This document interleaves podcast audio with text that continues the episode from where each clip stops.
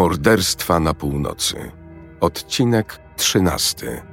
SMSy od Boga. Na początku 2004 roku w szwedzkim prowincjonalnym miasteczku Knudby mieszkało prawie 900 osób. Duża część z nich była członkami zielonoświątkowego Kościoła Filadelfia. W tym roku parafia ewangelicka miała stracić część swoich członków. W małym miasteczku oddalonym o godzinę jazdy na północ od Sztokholmu grasował morderca. I nie był to bynajmniej diabeł. Jak się okazało, morderca był członkiem zboru.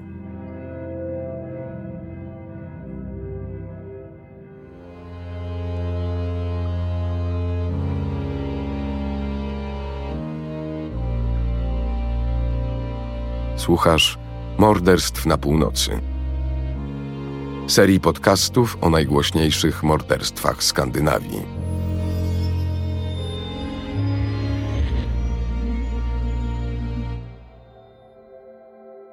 Podcasty bazują na prawdziwych zdarzeniach, a zostały przeanalizowane przez Janę Agard i opowiedziane przez Paulinę Holz. Opisy wydarzeń powstały w oparciu o doniesienia medialne. Niektóre szczegóły pominięto.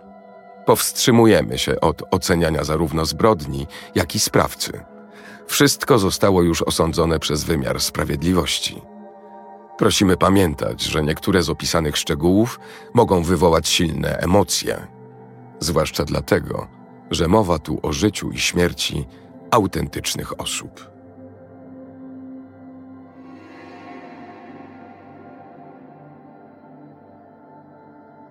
Styczniu 2004 roku małym szwedzkim miasteczkiem Knutby, a szczególnie osiadłym w nim niewielkim zborem kościoła Filadelfia, którego przywódcą teologicznym był pastor Helge Fosmo, wstrząsnął krwawy mord.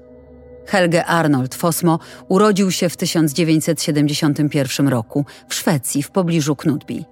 Jego rodzice byli Norwegami – Helge był najmłodszym z pięciorga dzieci i już jako młody człowiek zachwycał otoczenie swoimi włosami w kolorze ciemnego blondu, jasnymi niebieskimi oczami i zdolnościami krasomówczymi. Wysoki, dryblasowaty Helge zazwyczaj nosił krótko przystrzyżone włosy, miał wąskie ramiona i okulary. W młodości zachwycił się chrześcijaństwem, a zwłaszcza szwedzkim misyjnym kościołem przymierza, w którym poprosił o chrzest w wieku 11 lat. W miarę upływu czasu przybrał na wadze i już po trzydziestce chorował na cukrzycę. Był człowiekiem o zmiennym temperamencie, z łatwością przechodził od radości do złości. Gdy miał zaledwie 17 lat, poznał miłość swojego życia i przyszłą żonę, Helenę Johansson, równie głęboko wierzącą.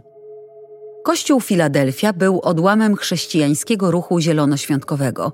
Chrześcijaństwo odgrywało główną rolę w życiu Helge.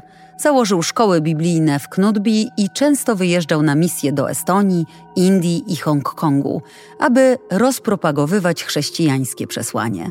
Helge był charyzmatyczny, głosił kontrowersyjne kazania o seksie i szerzył naukę, że kobiety w kościele powinny być posłuszne mężom, nie kwestionując ich rozkazów i życzeń. W zborze w Knudbi był jednym z sześciu pastorów. Parafianie tego małego i prowincjonalnego miasteczka o skomplikowanych drzewach genealogicznych często słyszeli, jak Helge w religijnej ekstazie wygłaszał nauki, korzystając ze swoich zdolności oratorskich. Helge był też bezwarunkową głową plebanii.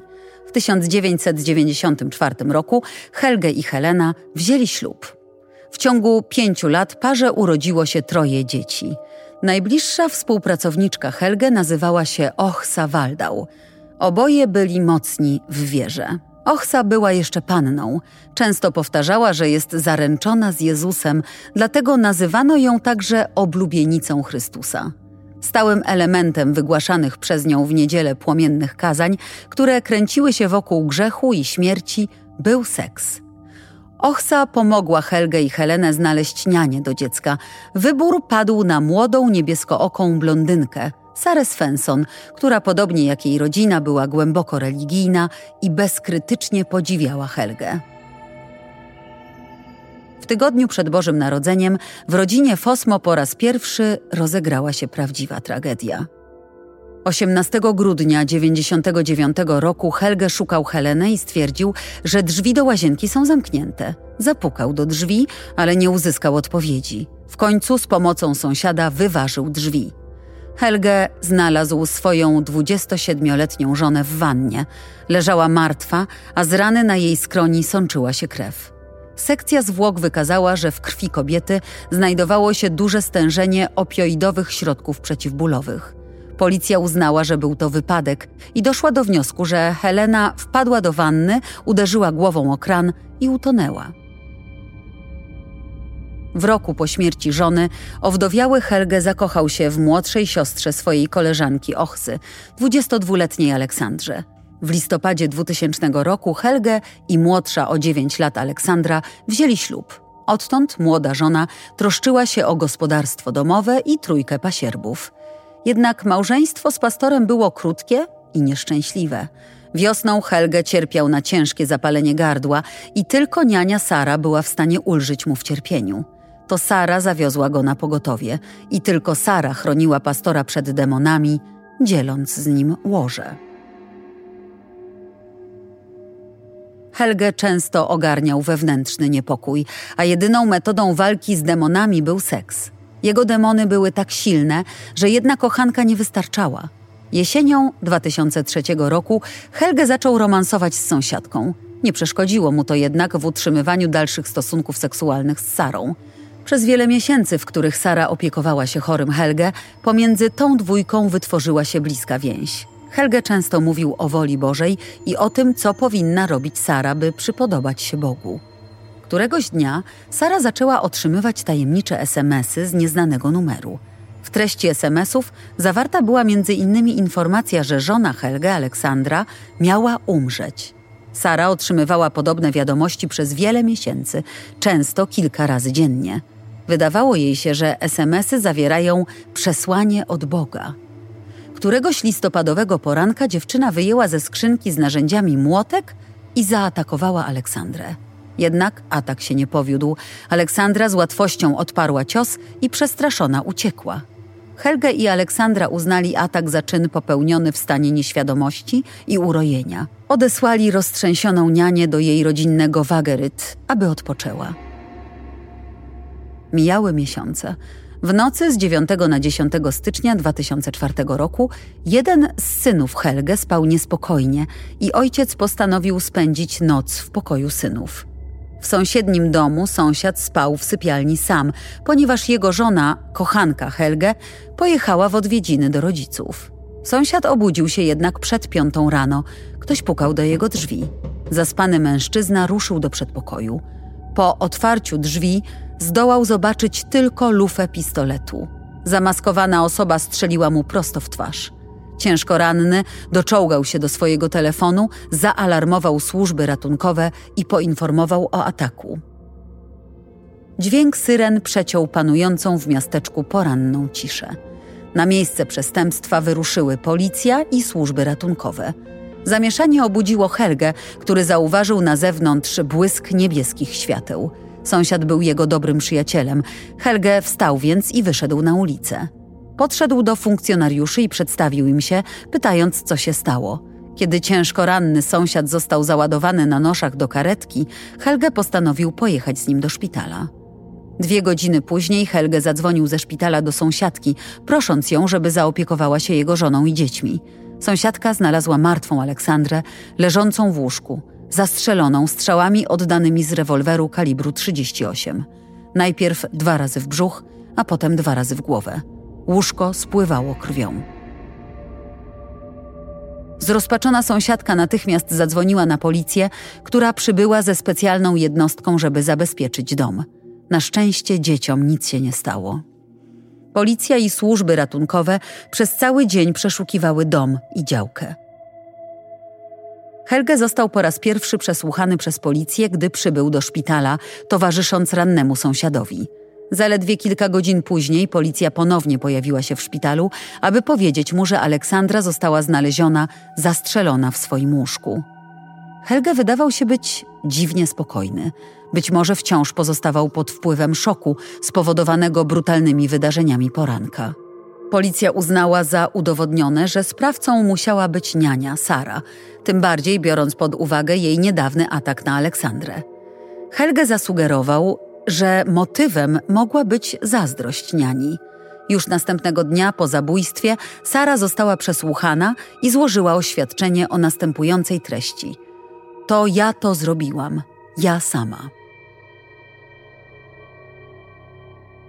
Oba krwawe akty z 10 stycznia skłoniły policję do wznowienia śledztwa w sprawie śmierci byłej żony Helge, Heleny, które prowadzono pięć lat temu. Podejrzane były również okoliczności morderstwa Aleksandry, na przykład fakt, że właśnie tej nocy Helge postanowił spać w pokoju dzieci, zamiast w łóżku małżeńskim obok żony. Wszczęto szeroko zakrojone śledztwo. Tym razem policja była dokładniejsza. Zaczęto podsłuchiwanie telefonu i komórki Helge w celu uzyskania wskazówek dotyczących ewentualnego motywu. Helge miał wprawdzie wiele kochanek, ale nie robił z tego tajemnicy. Wydaje się, że również jego zbór nie widział w wielkim apetycie seksualnym swojego pastora niczego nagannego. Śledczy powoli doszli do wniosku, że Helge nie jest zwykłym pastorem. Mężczyzna nie ukrywał na przykład, że śmierć żony drogo go kosztowała. Ludzie z jego otoczenia często słyszeli, jak skarży się na koszty zakupu nowego łóżka, nowego materaca i nowej pościeli, bo wszystko było ubrudzone krwią jego żony. Później w sądzie odtworzono pozbawioną emocji rozmowę Helge z towarzystwem ubezpieczeniowym, do którego zwrócił się krótko po śmierci żony, aby wypłacić sobie odszkodowanie z tytułu jej ubezpieczenia na życie. Nieco ponad dwa tygodnie później, 28 stycznia 2004 roku, Helge Fosmo został aresztowany. W toku śledztwa okazało się, że Sara od wielu miesięcy otrzymywała od nieznanego numeru tajemnicze SMSy. Nadawca prosił ją w nich o zabicie sąsiada i Aleksandry.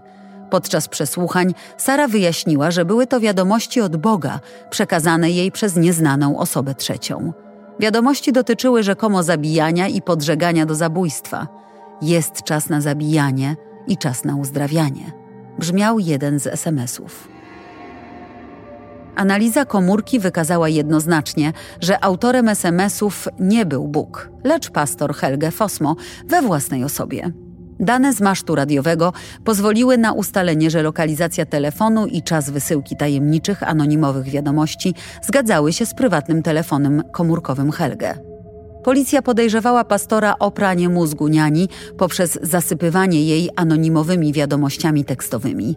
Pastor został również oskarżony o podżeganie do zabójstwa sąsiada, a także o zabójstwo Aleksandry.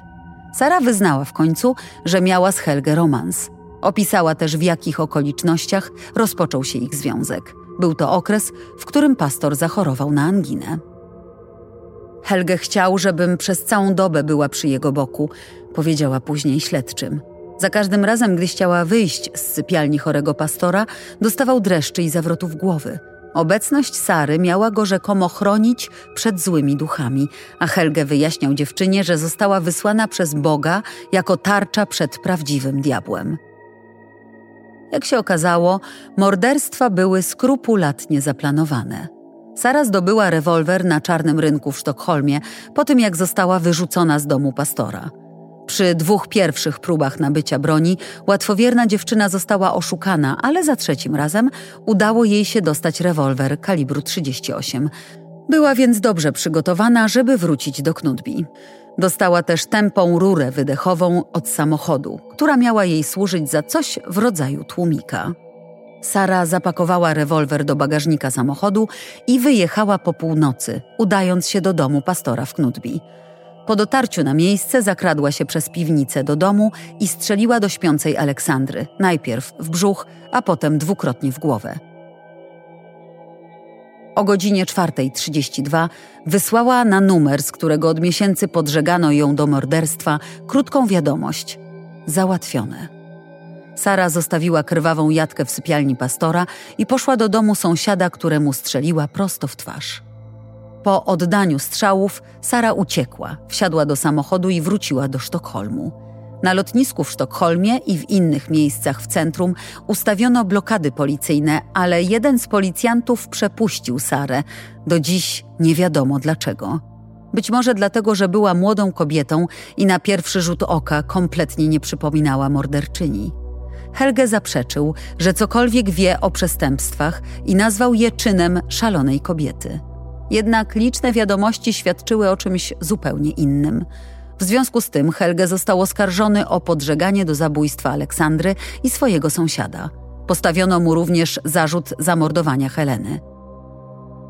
Sara całkowicie przyznała się do winy i została oskarżona o morderstwo oraz współudział w morderstwie. 18 maja, zaledwie cztery miesiące po morderstwach, sprawa trafiła do sądu w Uppsali. Szwedzkie media zalewały odbiorców przekazywanymi przez członków Kościoła Zielonoświątkowego szczegółowymi historiami o licznych intrygach seksualnych. Pojawiły się nagłówki takie jak Niania pisała porno, pastor domagał się opowiadań erotycznych w formie SMS-ów. Zbór Kościoła Filadelfia został nazwany sektą, a pastor Helge Fosmo uczniem diabła. Pomimo szczegółowego przygotowania morderstw, Sara Svensson była postrzegana jako osoba, która padła ofiarą manipulacji. Została skazana na umieszczenie w zamkniętym szpitalu psychiatrycznym. Dziewczyna wyszła z ośrodka w 2010 roku. Od tego czasu nie wchodzi w konflikt z prawem i nadal prowadzi życie jako przykładna chrześcijanka. Dla Helge sędziowie nie byli tak łagodni. Sąd nie uznał jego wyjaśnień, zgodnie z którymi niania była szaloną, zazdrosną stalkerką i skazał go na dożywocie. Oba wyroki zostały później podtrzymane przez sąd w drugiej instancji. Helge dotarł jednak aż do Europejskiego Trybunału Praw Człowieka w Brukseli, domagając się ponownego rozpoznania sprawy. Wszystkie organy konsekwentnie odrzucały jego wnioski. Jego jedynym sukcesem było to, że dożywocie zostało zamienione na 24 lata pozbawienia wolności. Teoretycznie mógłby zostać warunkowo zwolniony w 2021 roku, gdy odsiedzi dwie trzecie wyroku.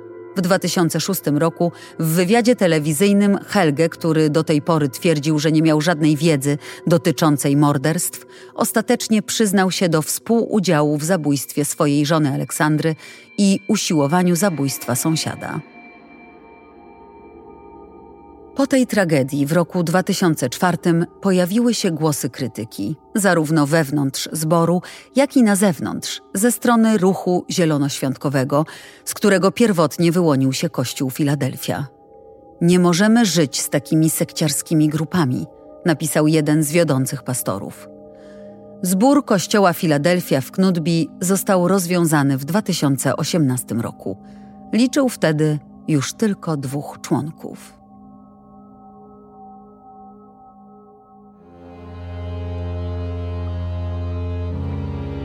Wersja polska, tłumaczenie i realizacja nagrań Roboto Sound. Czytała Paulina Holz.